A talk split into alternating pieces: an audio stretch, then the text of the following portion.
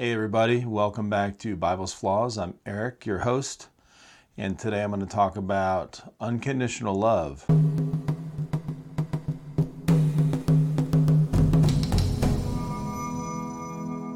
Probably one of the most common misconceptions in Christianity is the belief in unconditional love. It doesn't exist, not with us and not with God, and it's not even mentioned in the Bible. That's right, folks. The phrase unconditional love is not once mentioned in the Bible. A lot of people point out different parts in the Bible that they think talk about unconditional love. Things that refer to, most of the time, God sending His Son to die for us, die for our sins, as being unconditional love. John 3:16 is probably the most familiar verse in the whole Bible. Most people know that verse and have heard of it. You know, it goes something like, God so loved the world that he gave his only begotten Son, basically to die for our sins, okay?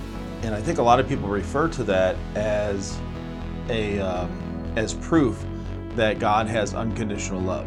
I'm going to say no. God wouldn't have had to send his only son if he wouldn't allowed Satan in the Garden of Eden or put Adam and Eve on a different planet that he didn't cast the devil down to. And it's not like God would have forgotten where the devil and his demons were, right?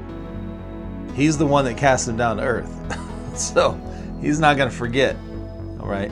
So why even make human beings, his children, on the same planet or in the same galaxy or whatever where the devil is? All the versions of the Bible that I've seen, they all state the same thing, okay? In fact, they all word it the same way. Revelations 12, he was hurled to the earth and his angels with him. So, I mean, there's no confusion as to where Satan and his angels were sent. Why even put us on the same planet where your archenemy is, right? I talked about that before in one of my videos. And then my question is, why not just destroy Satan and his angels for rebelling in heaven in the first place? God obviously didn't have a problem killing when he needed to. He wiped out the whole earth, besides Noah and whoever, you know, whatever animals Noah picked, uh, because he was unhappy with how we were living. Basically, that's conditional. We weren't living up to his rules and standards, so he wiped everything out. Okay? He killed us all to try to start over. Sodom and Gomorrah. People weren't living according to God's rules, and he wiped out both cities. Okay, so he obviously didn't have a problem killing human beings. Why not just kill Satan instead? Then you wouldn't have to send your only son to die for our sins. There wouldn't have been original sin in the first place. That's what I'm getting at. The whole Christian religion is based on conditions. Do certain things to get into heaven, or to get into hell for that matter. And there's nothing in the Bible that points to God being unconditionally loving. Exodus 20 You shall not bow down or serve them, for I, the Lord your God, am a jealous God. And then in Deuteronomy 6, talks about God being a jealous God and don't provoke him to anger, or else he'll smite you from the earth. he'll destroy you from the earth. None of these things sound like unconditional love, do they?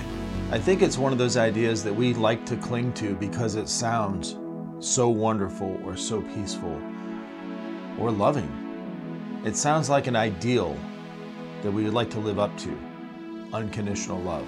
I think a lot of Christians struggle with the, the idea that God has this unconditional love for us and that we should do the same to others. Right? No, your love is conditional. Why am I pointing this out? Because it's time for Christians to take responsibility for their beliefs. And it's time for Christians to stop being misled and to start learning the truth. I'm here to help those of you that see what I see, know what I know, and feel what I feel. That we are God's and love and mercy are the choices we make to separate ourselves from the cruelty of nature. I'd love to hear your comments or questions about this topic. Uh, let me know in the comments below what you think of this topic. And if you think there's a misconception about unconditional love or not. Thanks for watching, and I'll see you next time.